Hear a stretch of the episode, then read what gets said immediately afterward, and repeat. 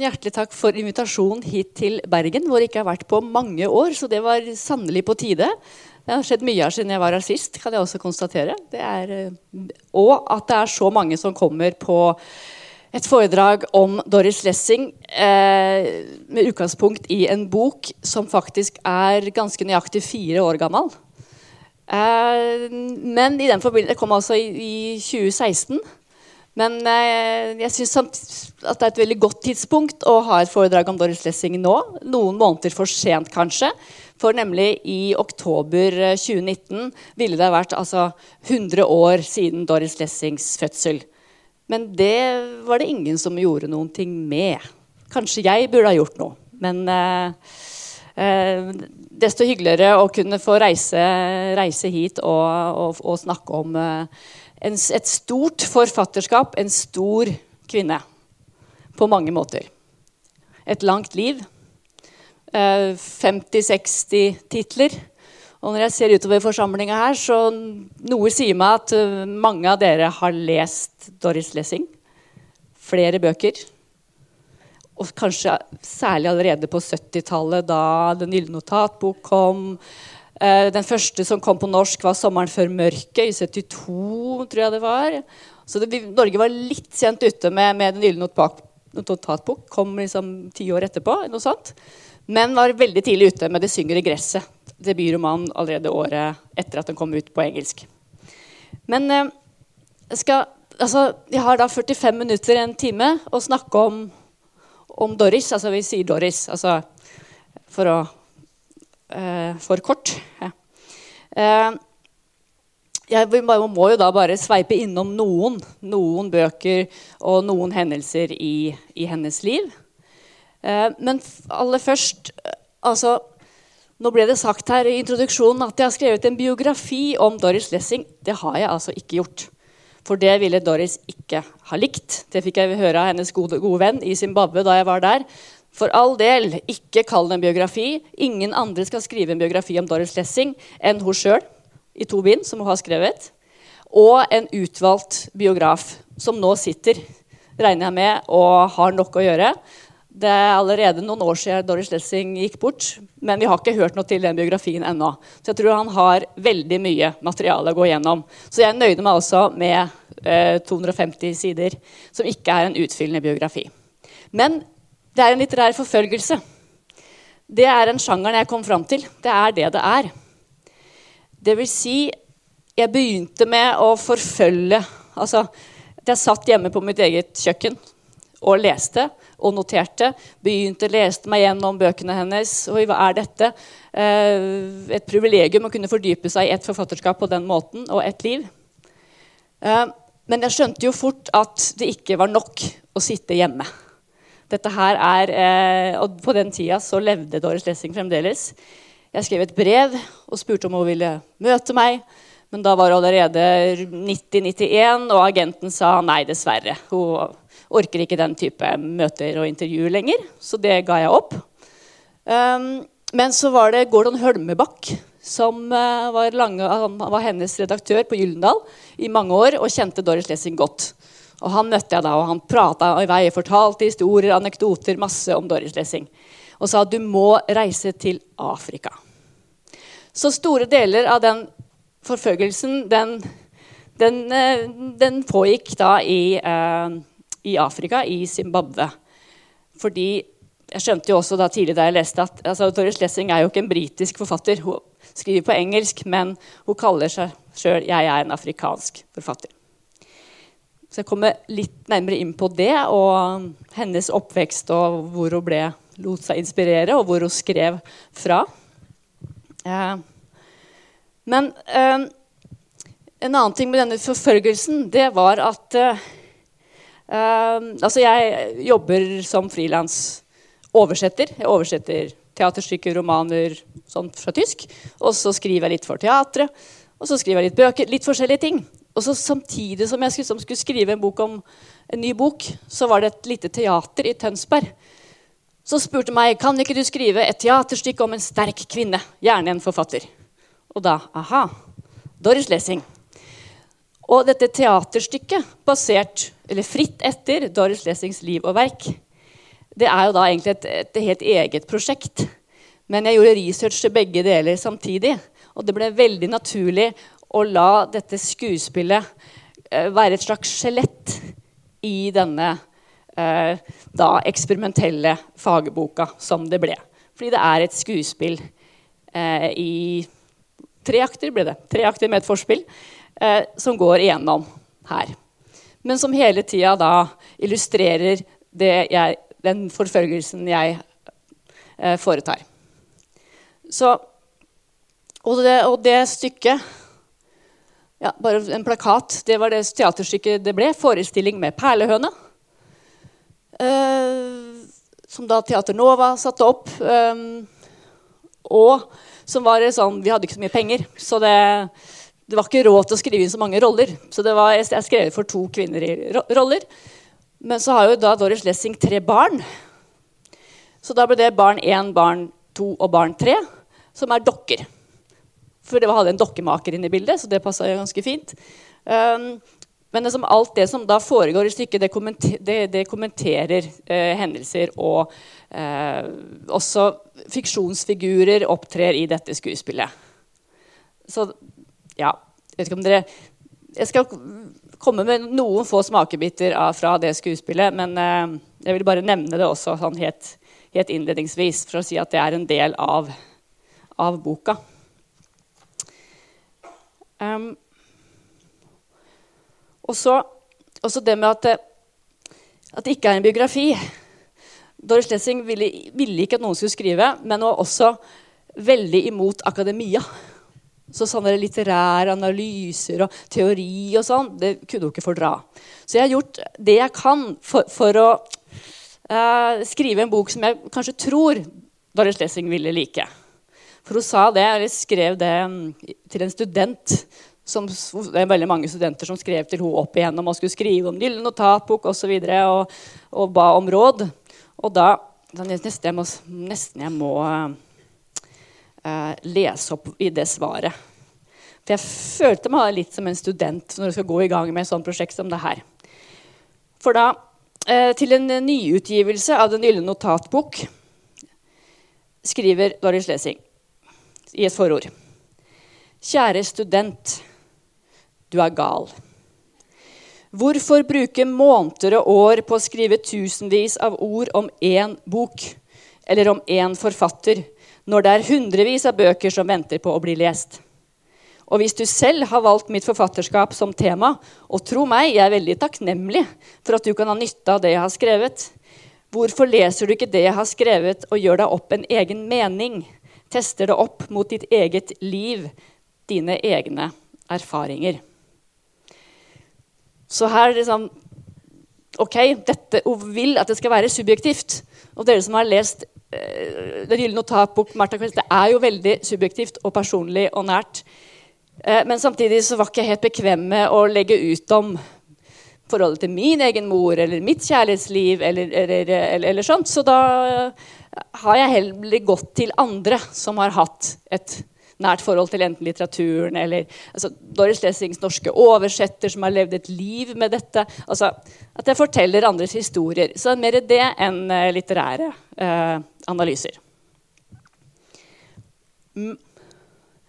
Så må vi gå til hvem, dette ikoniske bildet.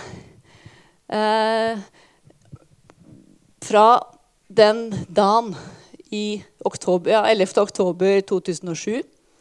Da kom nyheten. I år tildeles Doris Lessing Nobels litteraturpris. Og dere, Mange så kanskje det her på TV, og det gikk jo om og om, og om igjen på Kveldsnytt og, og alt den, den, dagen. Hvor det var virka oppgitt. Oh, Christ. Ah, ja. Og det var liksom helt, og virka jo ikke noe glad, egentlig ingenting.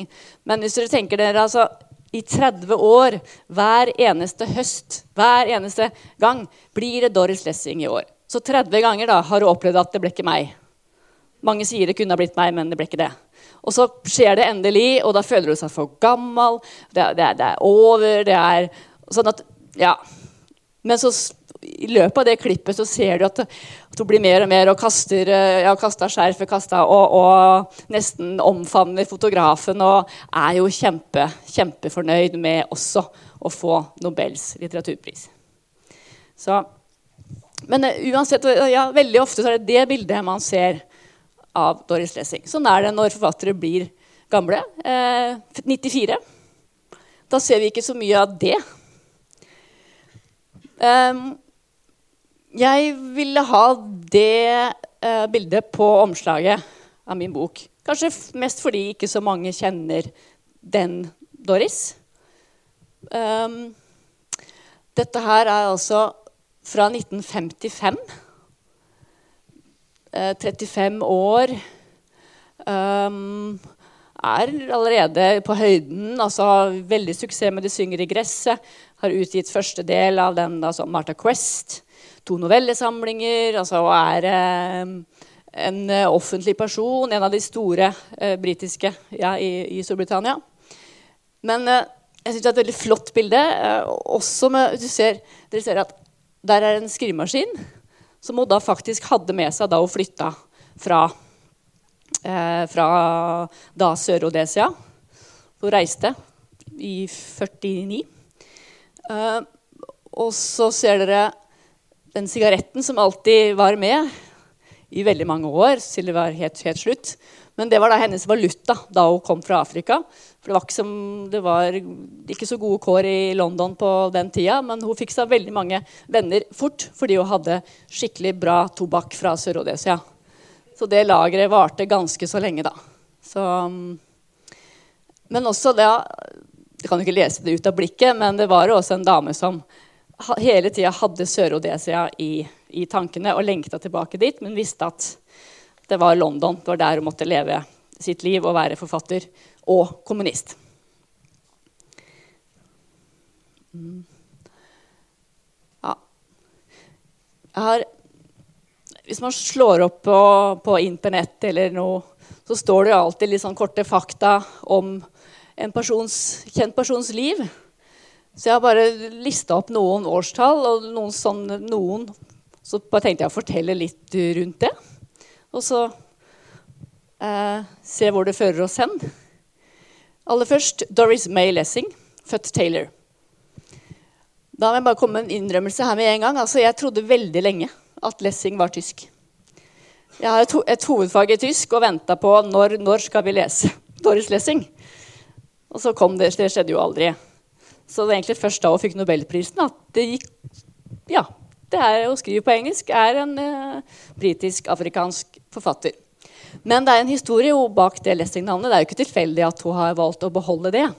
Så det skriver hun om, om det i, ja, skriver om det i en tekst at eh, første ektemannen han het Wisdom. Man kan jo ikke være forfatter og hete Doris Wisdom. Det går ikke an. Men så gifta han seg med Gottfried Lessing. Og da er sånn Lessing is a very good name. Very good name. For dere som er litt altså, inn i tyskspråklig litteratur, så har vi jo da Gottholdt Efraim Lessing, den store eh, fra opplysningstida. Altså en eh, viktig skikkelse. Så det var ikke uten videre at altså, det gikk ikke tilbake til Taylor eller noe annet. Det var Doris Lessing det skulle være. Og så Doris-navnet er også en litt historie bak. Da kommer det forholdet mellom mor og datter, hvor mora da var gravid med sitt, sin førstefødte. Eh, sin jente. Og jenta kom. Og bare Oi, oi. Jente. Det det hadde vi ikke tenkt på at det kunne bli. Som hadde ikke noe navn hvis det skulle være jente. Men han, sånn, legen som var på vakt, han ville jo hjem, og han måtte ha et navn å føre i den protokollen. Så legen foreslo Doris. Ja, ja, kom igjen. Så, det er sånn Doris sjøl også beskriver det. Litt eh, Selvfølgelig fordi hele det, det forholdet til, sin mor, altså til mora var ikke spesielt bra. Og hun mente at ja, det er jo ikke alle som liker hverandre, heller ikke eh, foreldre og barn. Jeg tror ikke min mor noen gang likte meg eller elsket meg. Det var, det var krasj fra, fra hun var helt, helt liten. Så, ja. Så det er historien bak Doris. Men eh, kan jeg også nevne at i hele familien hadde navn fra um, eh, Hva heter det? Ole Brumm. Nei, hva heter den skogen? Ja, I hvert fall Ole Brumm. Sånn at de brukte ikke hverandres navn i familien. Det var eh, Kengu-mamma, det var mora. Og broren, lillebroren, som var, var liksom den, det store, ja, ordentlige barnet. Eh, det var kengubarnet. Kengu-barnet. Og så var det da tigergutt. Tiger. Tiger. Det var Doris. Og faren var Tussi. Så litteratur var viktig, og sånne referanser uh, var det da flere av. Uh, ja, nå har vi noen årstall. Altså 1919 Da ser jeg at det er et, et barn av første verdenskrig. Og det er født i Persia av britiske foreldre. Jeg har allerede sagt litt om, om foreldrene, men altså, det var da to to stykker som var uh, hardt prøvet uh, etter krigen. Um, Alfred som soldat. Og han måtte amputere det ene beinet. Og da på sykestua at da uh, Alfred ble kjent med Mary, som var sykepleier. Og nettopp hadde mista sin store kjærlighet, en lege, i krigen, og sørga over han. Og da var det at at de to kom sammen. Så denne bitterheten og denne ikke-kjærligheten, men liksom nødvendigheten av å ja, eh, Åra går, hun var over 30 og stifter familie. Den, så hun sa opp jobben som sykepleier og dro til Persia eh, sammen med mannen. Og eh, sa opp altså sitt liv, da. Eller sine, ga opp sine ambisjoner. Ja. Men ja, vi går videre til 1925. Det ser også veldig lett ut å flytte til en farm i Sør-Odesia. Det var det selvfølgelig ikke. Det var heller ikke helt planlagt. Familien bodde i Persia, var på ferie i London. Da var det en sånn imperieutstilling eh, om Sør-Odesia, hvor man kunne reise og kjøpe for en slik og ingenting en farm og tjene seg rik på mais, for så å ha råd til en gård i Essex, Sussex, som Alfred eh, Taylor drømte om. Sånn ble det da aldri. Han kom seg aldri igjen. Han kom seg aldri hjem til England. Så han var den, den tragiske, eh, tause skikkelsen som går igjen i flere av, av, bøkene til Doris Lessing, særlig da i um, Martha Quest. Men selvfølgelig også i den aller siste boka hun skrev, eh, 'Alfred og Emily', hvor hun skriver en alternativ biografi. Hvordan ville livet av deres ha blitt hvis det ikke var for første verdenskrig? det som er ekstra trist, er at uh, i den alternative versjonen går du heller ikke spesielt uh, bra. Det uh, Så den farmen som, som, de kjøpte, lå da i Banket.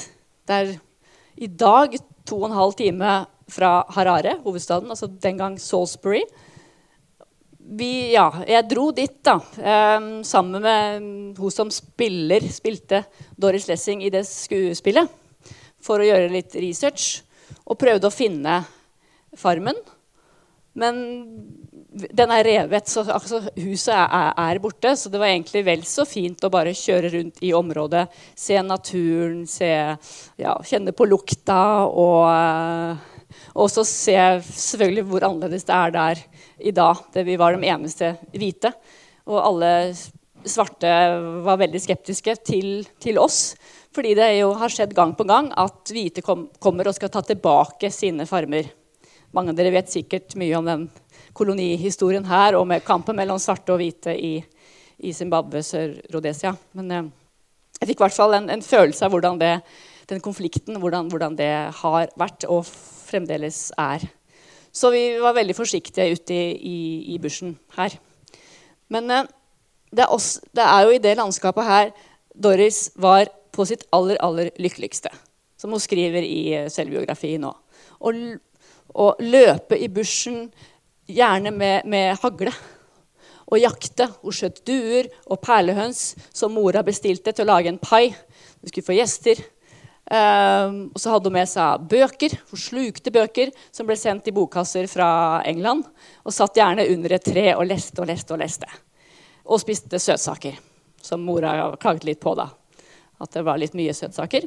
Men eh, litteraturen var hun, umettelig på. Så det, det, skal mora hennes ha, at det var hun som førte henne inn i den, den verden. At det var en, en flukt og en, en, glede å befinne seg i, uh, i bøkene. Og det var også der og etter hvert oppdaga russerne. Dostojevskij var den store, osv. Så, videre, og så, så um, Men det er altså sånn det ser ut i dag. Um, jeg tror ikke det så veldig annerledes ut uh, den gangen. Ut ifra bilder så er det samme, samme landskapet. Og, og, det er jo også da, når man leser bøkene om Martha Quest, så er det Så det er jo ikke til å legge skjul på at Doris Lessing er en forfatter som har skrevet sitt liv. Man skal være forsiktig med å si det er sant og det er ikke, men uh, det er uh, veldig veldig tydelig at man kjenner igjen uh, karakterer. Um, men at hun gjør noen få variasjoner ut fra, sånn at det ikke blir helt likt som i virkeligheten. Og mange vil kanskje ikke vite om det heller, da, så det er kanskje litt dumt å si hva som er sant og ikke. Men men at det er tett på egne erfaringer, det er, det er jo en helt naturlig ting. Og med et så dramatisk liv som Doris Lessing levde, så er det heller Det da, det blir god litteratur ut av det. Ja. Men så, eh, 1939, rett før utbruddet av andre verdenskrig, det skjer masse i, i verden, eh, så gifter Doris Lessing seg 19 år gammel med Frank Wisdom og får ganske raskt barna John og Jean. Og det var et ekteskap som foreldrene syntes var fint. En statstjenestemann, borgerlig ekteskap, alt riktig. Særlig det at selvfølgelig får du barn nummer to. Altså, alt, alt, var veldig, veldig riktig, men det var jo ikke riktig for Doris. Hun følte seg ikke, eh, ikke hjemme i den konstellasjonen, i det, i det livet der. Um, så det gikk ikke lang tid før, uh, før hun da forlater mann og barn for å bli kommunist og forfatter. Og det Jeg har møtt flere som av den grunn tenker at nei, Doris Lessing har jeg ikke lyst til å lese. For en, en, kvinne, en mor som gjør noe sånt, det vil jeg ikke ha noe med å gjøre. Så det er jo enda et tabu å forlate sine barn. Og jeg også, det var også en av de tingene jeg tenkte først. Jøss, hvordan kunne gjøre det? Og, og, nettopp begrunne det med at hun skulle redde verden. Og sa det også til barna sine. Jeg har en annen oppgave. Uh, men uh, akkurat på det punktet her tror jeg jeg skal ta en liten kikk på hvordan jeg da um, dramatiserer uh, akkurat dette. For da er det disse to barna, da. På to og fire år. Da har vi da i skuespillet så er det da ja, Jean, den yngste, og så John, to og fire år. Og i det stykket så de, de blir ikke eldre. De er to og fire år hele veien og, og, og, betrakter alt sånn fra utsida. Um, og ser, kan se når som helst. Og spionerer gjerne på sin mor og ser hva som skjer nå. Og på dette punktet uh, Skal vi se nå har jeg aldri lest det her sjøl, men det, det, er altså da øh, Lest det høyt. skal vi se. Første akt, scene tre. Fremdeles i Sør-Odesia, i hovedstaden Salisbury. Barn Barn 1, gutt fire år, og barn 2, jente to år, begge dukker, observerer Doris. Hun sitter i, eller er, en røyksky ved skrivemaskinen. Barn 1 strekker seg for å få et glimt av moren. Ja da. Mamma sitter der ennå, som støpt på sin sokkel. Barn to. Ser du henne? Ser og ser. I dag er sikten for dårlig. Det kom en ny leveranse med sigaretter sent i går kveld. Hvis du er helt musestille, kan du høre at hun skriver. Ah, på den evinnelige romanen er hun ikke ferdig snart. Smør deg med tålmodighet. Hun har allerede brent to utkast. Se her. Kaster aske opp i luften. Nei, det er ikke sant. Prøver å fange og tyde asken. Det er ikke en eneste meningsbærende ytring igjen. Ikke et eneste ord. Ikke engang en helskinnet bokstav. Opp med hodet, vesla. Jeg begynner å tvile på talentet hennes. Du og jeg må ikke gi opp. Vi må støtte henne. Trenger hun vår støtte? Ja. Pappa virker komplett likegyldig, selv om han oppmuntrer henne og lar henne være i fred. Hva skal eh, disse skribleriene være godt for? Du vet vel det? Du vet vel at vi lever i en fæl verden? At jorda kan gå under hvert øyeblikk? Mamma skal forandre den, slik at vi kan leve i en verden som er vakker, fullkommen, fri for rasisme, urettferdighet etc., etc. Det siste det er direkte sitat fra Doris Lessing sjøl. Så det meste som de sier, det, det er henta fra Doris sjøl eller andre. Og eh, det er jo ikke realistisk. Barn snakker jo ikke sånn. Og det var også meninga. Det skal ikke være et realistisk stykke, men det skal ja, prøve å sette ord på noe som uh, de kunne ha tenkt. Så, så, det var altså det at hun dro for å skrive, men hun så jo også at disse barna klarte seg jo så fint uten henne. Det var så mange andre der. Hun kunne stå og observere. 'Å ja, der er en tante, der er en altså, Og tenkte at ja, jeg blir gal hvis jeg blir her. Jeg drikker, jeg er, altså, blir syk. Så det beste for alle er at jeg går. Men det er et eh, radikalt valg som hun selvfølgelig tenkte på og, og, slet med i alle sine år etterpå. Men syntes det var helt unødvendig å legge ut om det i det vide og det brede i selvbiografien, som hun fikk en del kritikk for å ikke gjøre. Um, ja, så hva gjør man da som uh, kommunist og forfatter i uh, Harare, eller i Saltsbury den gangen? Et av stedene Doris Lessing tilbrakte mye tid, var på Michaels hotell. Det er i dag. Jeg vet ikke hvordan det var den gangen, men eh, det var en type luksushotell. Men det var også en av ganske så få møteplasser hvor eh, internasjonale gjester selvfølgelig var.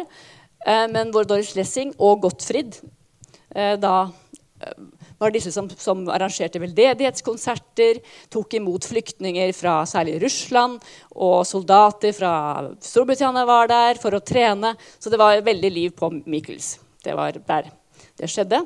Det var der og på sportsklubben. Der jeg tok også en tur på sportsklubben. Eh, for eh, det var et veldig viktig møtested. Hvor Doris dro rett fra sykehuset etter å ha født første barn. Så viktig var det å være på sportsklubben. Og hvor alle, alt sladder og alt, alt foregikk eh, der. Pluss at hun selvfølgelig i sin tid spilte landhockey og var aktiv i idretten. Uh, ja.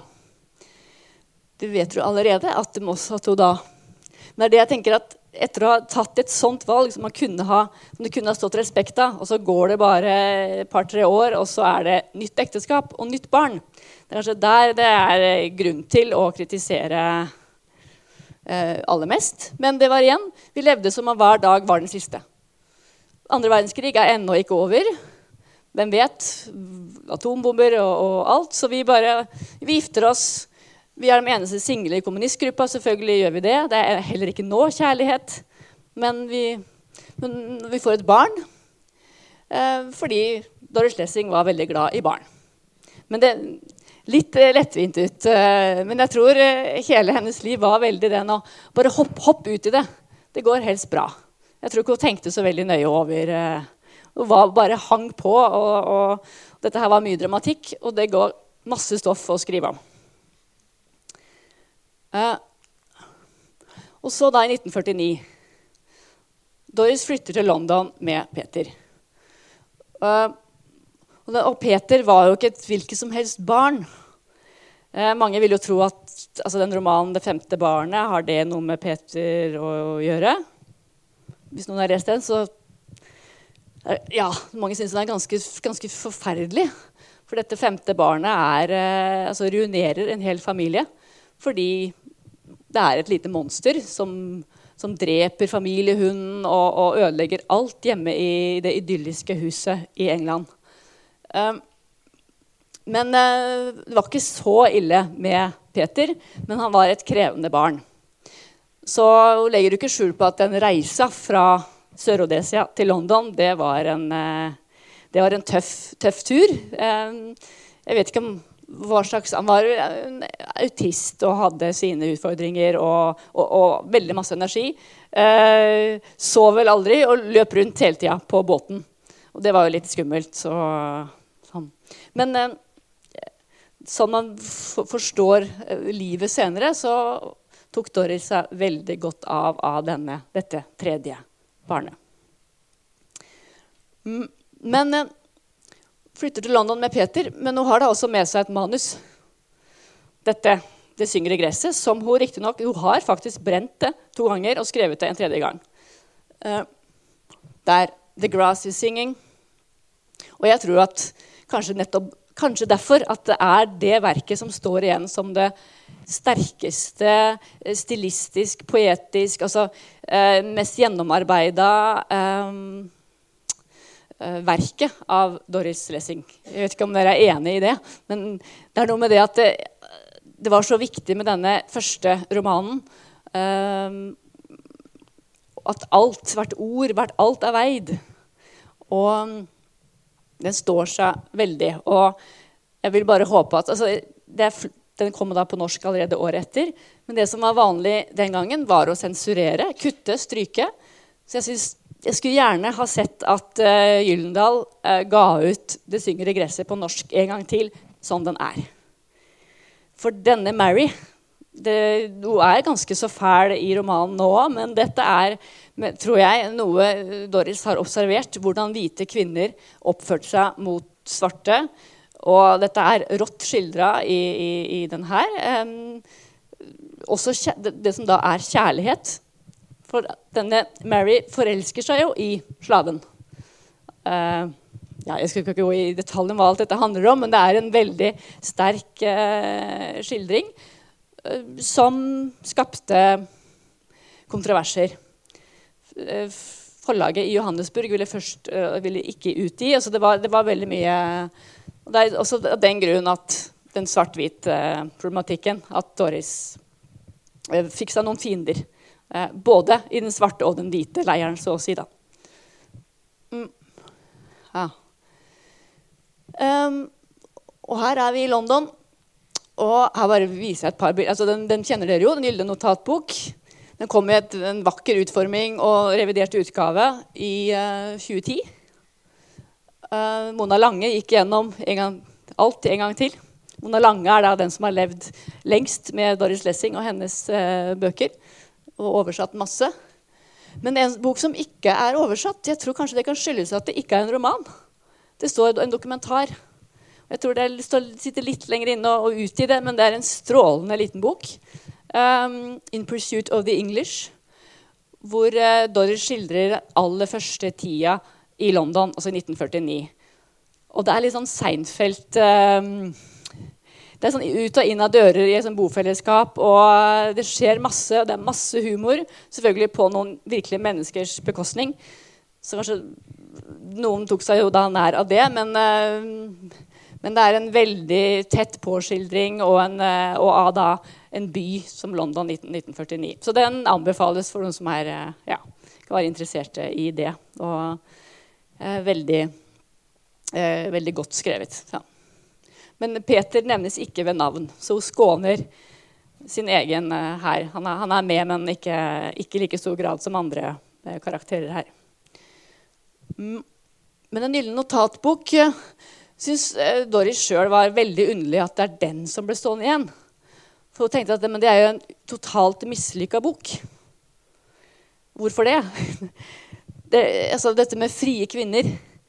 Uh, vi skal ikke være gift, vi skal bo i bofellesskap, vi skal ha en elsker her, en elsker der, vi skal skrive, vi skal være politisk aktive osv. Ehm, men så kommer du til at ja, men, kvinner er jo ikke frie. Disse to damene, um, Anna og ups, Molly, som bor sammen uh, altså det, det, eneste hun vil, er jo at mannen kommer og holder rundt dem, og det er bare vi, oss to. Derfor så mener hun det at det er uh, det, det, konseptet det fungerer ikke. Um, og også det med den gylne notatbok. Det var jo én siste gyllen. Den skulle, liksom, der skulle alle sider ved Anna Wolff samles inn i den. Men hva skjedde med den gylne, som lå der klar til å bli skrevet i?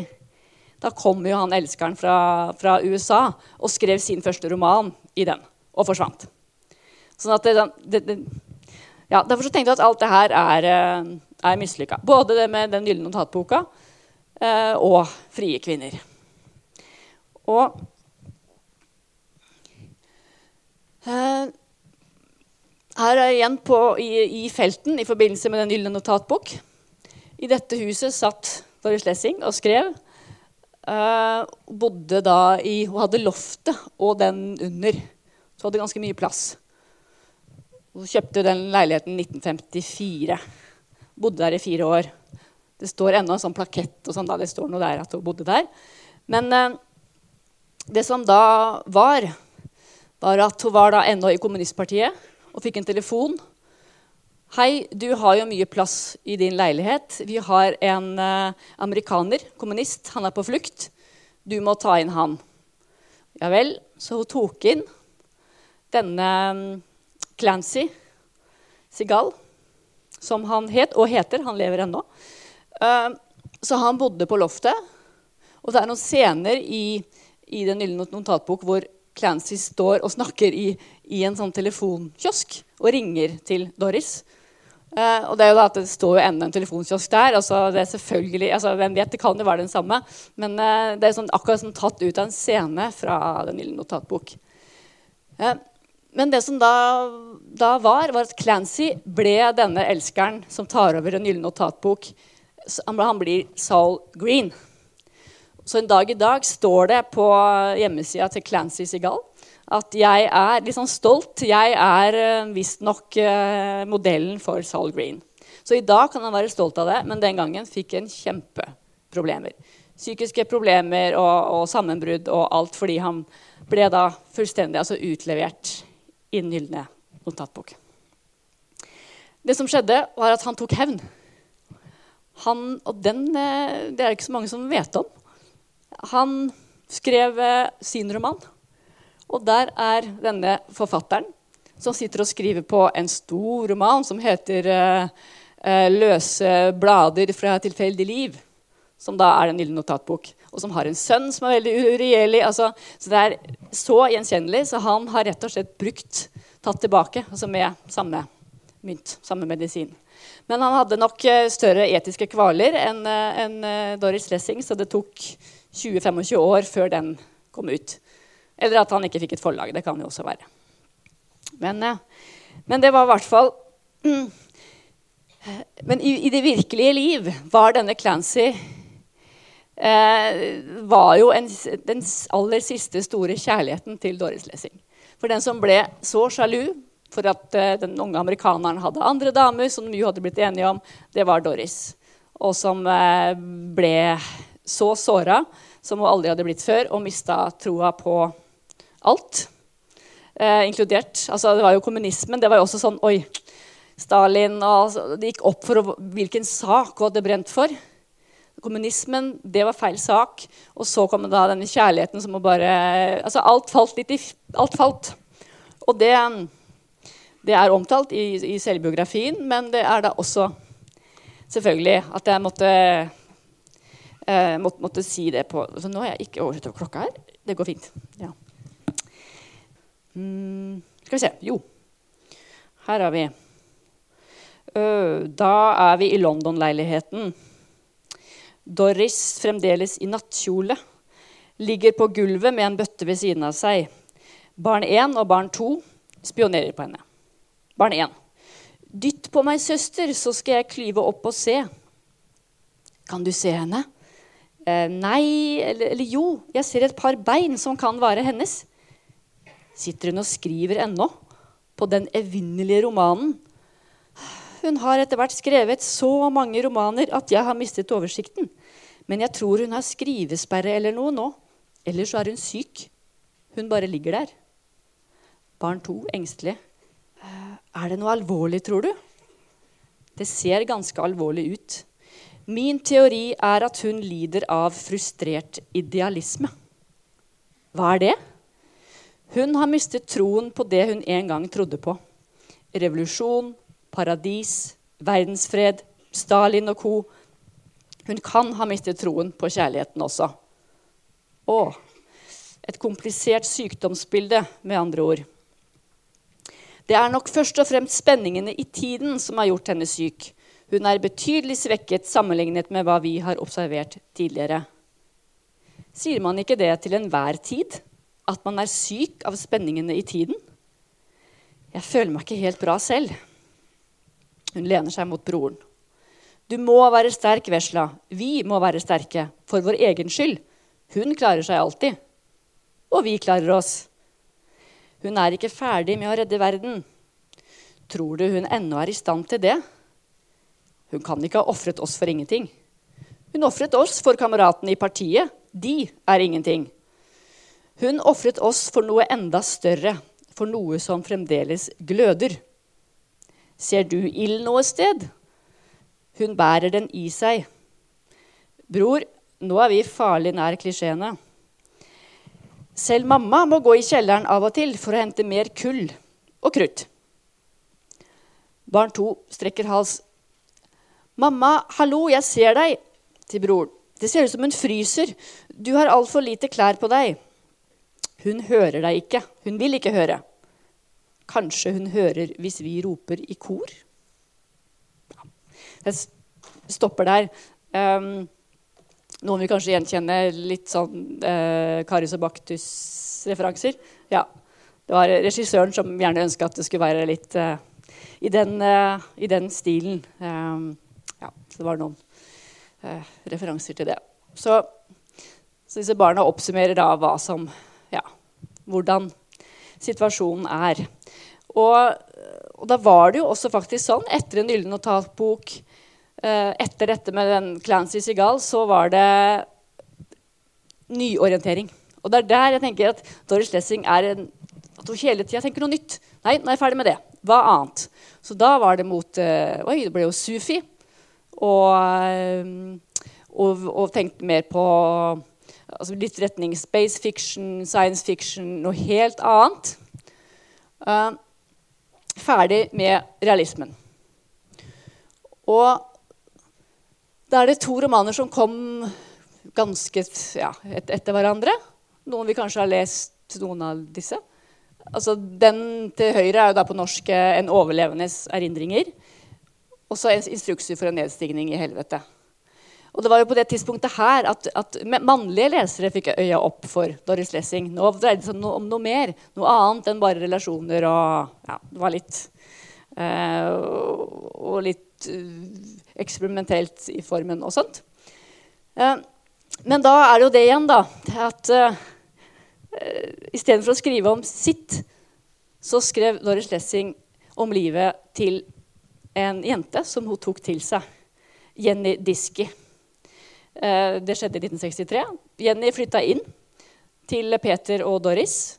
Jenny gikk i klassen til Peter og slet med rusproblemer, og det var mye eh, og, også psykiske problemer. Og det er derfor også da eh, dette her, den instruks for en nedstigning til helvete foregår på et psykiatrisk sykehus.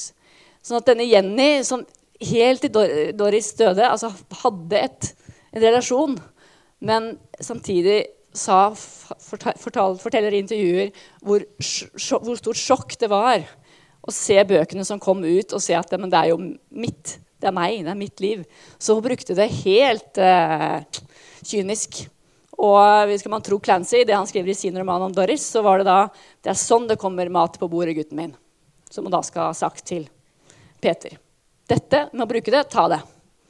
Og det er igjen ikke noe Jeg hørte nettopp at Rachel Cusk sier det samme, hvis noen eh, har lest hennes bøker, som er veldig eh, kritikerrost eh, nå, så er det det man må ta det og bruke det. Så det, det fulgte Doris helt til, helt til det siste, selv om man kunne tro at dette her ikke er basert på virkelige hendelser. Um, og så er det Ja, det var så vidt innom det femte barnet. Um, jeg syns den er veldig god og står igjen som en av hennes mest eh, lesverdige og, og, underfundige og sterke.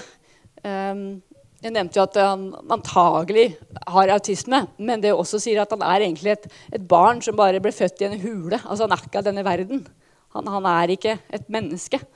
Um, men det interessante er at uh, jeg hadde en jobb i mange år som miljøterapeut for barn med autisme og andre utfordringer. Og da var det en mor som sa til meg da Les det femte barnet av Doris Lessing før du skal jobbe med min datter. Og det forundrer meg den dag i dag. Men jeg ser at det er noen problemstillinger og, og dilemmaer her som man som eh, forelder til et barn med spesielle utfordringer altså, ja, som må tematisere i den, i den boka. Selv om det selvfølgelig ikke er helt realistisk, dette. Men den er, det er en sterk tekst. Mm. Shikasta. Er det noen som har lest den her? Ja. Nei, jeg tror mange, mange falt av på det tidspunktet. Med, eh, altså det er jo så lange titler òg. Men eh, ja, ja, på tredje forsøk så kom jeg liksom igjennom. Men det, det, dreier seg om alt og ingenting og hele verdenshistorien. Og eh, jeg tror hun har hatt det veldig morsomt da hun skrev bøkene om, om. Men at er, eh, man må være litt spesielt interessert. Mm. Ja Jeg hadde jo en lapp, da. Eh, OK. Ja. Uh, så det, det, er det siste bildet jeg har fra Hampstead Heath. Dette er det flotte området i, i London der eh, Doris aller helst uh, gikk tur. Det er også her man fortsatt kan møte på Salman Rushdie sittende på en benk. Så de har helt sikkert hatt noen passiarer uh, uh, der opp gjennom åra.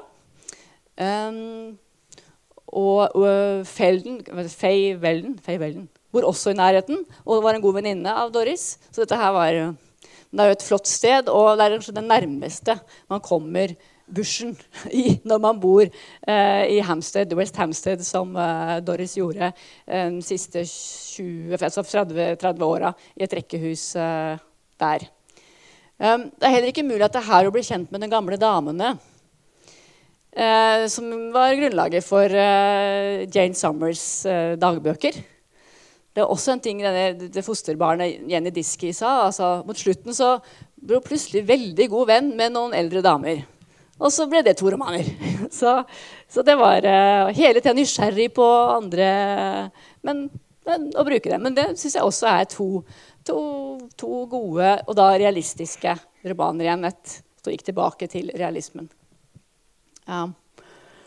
Nå tror jeg ikke jeg skal lese det siste, for det er egentlig det mest pinlige med hele, med hele min bok. Jeg eh, skal la være å lese men Jeg kan bare si det. fordi jeg skrev altså denne boka her mens Doris Lessing levde.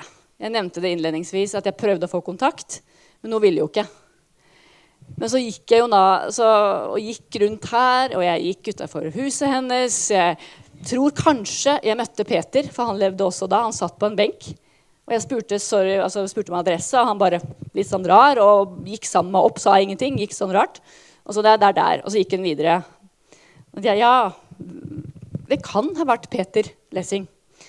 Men jeg kan, jo ikke, jeg kan jo ikke ringe på den døra. Jeg er jo ikke, jeg er ikke velkommen. Er, så, jeg, så, det er det derre litt eh, Altså stalker... Eh, eh, momentet, som jeg, som jeg faktisk syns er litt eh, altså ikke så ålreit. Det er lettere å skrive om noen som, som ikke lever, og at det hadde vært et forfattermuseum. Man kunne gått inn, man kunne, men istedenfor å stå og se om det er bevegelse. og se, ja, ja. Men det, jeg var da subjektiv og ærlig og skrev om det. Og øh, det står der. Det er reelt. Men, øh, men det når jeg, jeg har sagt, litt sånn stygge ting om Doris Lessing jeg, jeg prøvde å være, ja, Det var noe sånn hun var. Jeg tror hun var veldig tøff. Ikke den enkleste å ha med å gjøre. Men akkurat det med barnet, som hun, da barna som hun forlot, det syns jeg ikke hun skal ha på seg. Den gangen eh, Hvis du gikk ut av ekteskapet og bodde også, altså i, i, Afrika Enten så går du, eller så blir du. Ikke snakk om noe delt omsorg eller noe sånt. Så da sto en kjapt en stemor klar og det var den nye familien. Og, men i senere tid, altså, eller hele veien, skrev Doris til barna. Skrev, skrev, lange historier, eventyr, sendte i posten, hadde kontakt med dem. Gjenopptok eh, og møtte dem eh, på eldre dager. Og fikk et OK forhold altså til barnebarna sine. Men det aller sterkeste eh, i hennes historie mener jeg er det med Peter. Peter bodde hjemme hos Doris Lessing til han døde noen og 60 år gammel tre uker før hun sjøl gikk bort. Så det var noe med det at hun var der for den ene, og når han ikke var med, så, så, var, det, så var, det, over. Så i, i, november 2013 var det altså, var det altså, altså slutt. Men eh, jeg håper at dere fortsatt vil eh, ta tak i bøkene hennes, gå på biblioteket her, lese en Doris Lessing-bok dere kanskje ikke har lest, gjenlese. Og selvfølgelig veldig hyggelig hvis dere har lyst til å lese min bok. Den er, jeg er også så heldig at den ble innkjøpt uh, til alle biblioteker, så den skal være tilgjengelig. Men tusen takk. Hjertelig takk.